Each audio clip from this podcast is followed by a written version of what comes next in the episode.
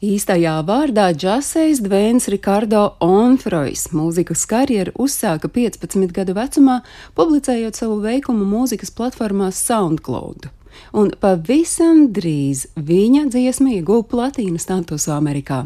Pirmais albums, ko reperis izdeva 2017. gadā, gadu pirms savas nāves, jau debijas nedēļā sasniedz otro vietu ASV topā. Trīs mēnešus pirms nāves izdeva otro albumu, kas nokļuva ASV top pirmajā vietā. Tikmēr vairāk singli no šī albuma nokļuva klausītāko dziesmu sarakstos. Starp citu, reiz kādā intervijā jautāts, kā tieši jāizrunā reperis skatuves vārds, viņš atbildējis: Mani sauc XXX Tentacion.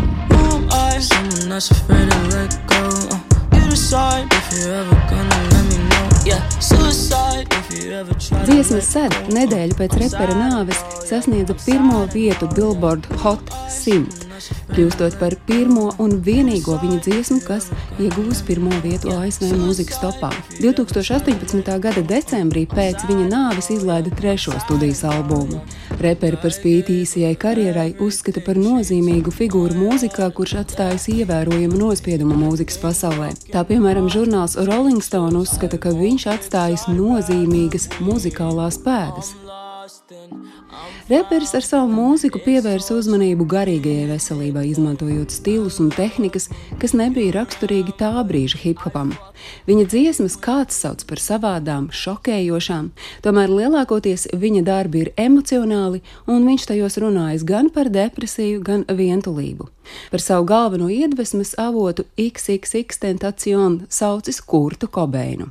Reperis pats gan bijusi gana strīdīga figūra. Strīdi ar citiem reperiem, skandāli sociālajās vietnēs, reāls uzbrukums fanam - tās ir tikai dažas no repera dzīves epizodēm, no kurām daļa beigusies ar arestiem.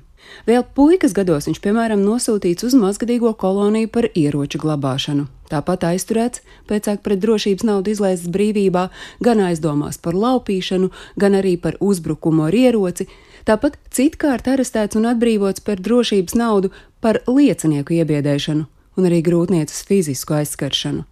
Tāpat kādu laiku reperim bija mājas arests.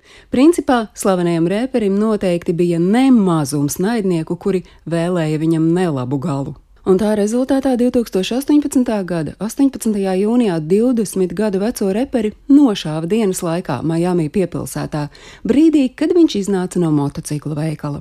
Veikalā reperis bija pavadījis īsu brīdi runājot ar pārdevēju, uzbrucēji bija sekojuši reperim veikalā, nopirkuši tur maskas un atstājuši veikalu pirms mūziķa, pamanoties bloķēt izbraukšanu no veikala stāvvietas. Bija bez piecām četri pēcpusdienā, kad reperis atstāja veikalu un iekāpa savā 150 tūkstošu ASV dolāru vērtajā BMW, bet, kā liecina motocikla veikala novērošanas kameras, tajā brīdī uzbrucēji šķērsojuši reperim ceļu, pienākuši klāt, noticis neliels cīniņš, kas beidzies ar repera nošaušanu. Pēc tam uzbrucēji no automašīnas salona paņēmuši Louis Vuitton somu ar 50 tūkstošiem ASV dolāru skaidrā naudā un aizbraukuši.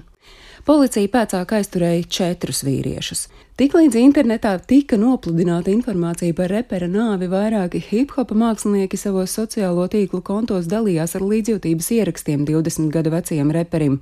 Tostarp arī tādas lielas zvaigznes kā Kanye Vests, Noah Cyrus, Diplo un citi. Kanye Vests savā Twitter kontā rakstīja šādi: Dūsi mierā! Es nekad tev netiku pateicis, cik ļoti tu mani iedvesmoji, kamēr biji šeit. Paldies, ka eksistēji!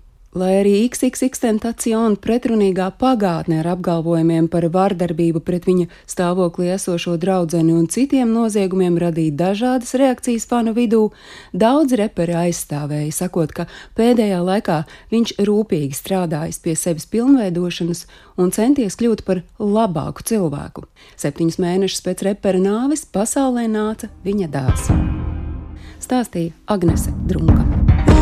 side. Someone that's afraid to let go. Uh, you decide if you're ever gonna let me know. Yeah, suicide if you ever try to let go. Uh, I'm sad, I know, yeah. I'm sad, I know, yeah. Who am I? Someone that's afraid to let go. Uh, you decide if you're ever gonna let me know. Yeah, suicide if you ever try to let go. Uh, I'm sad, I know, yeah. I'm sad, I know, yeah.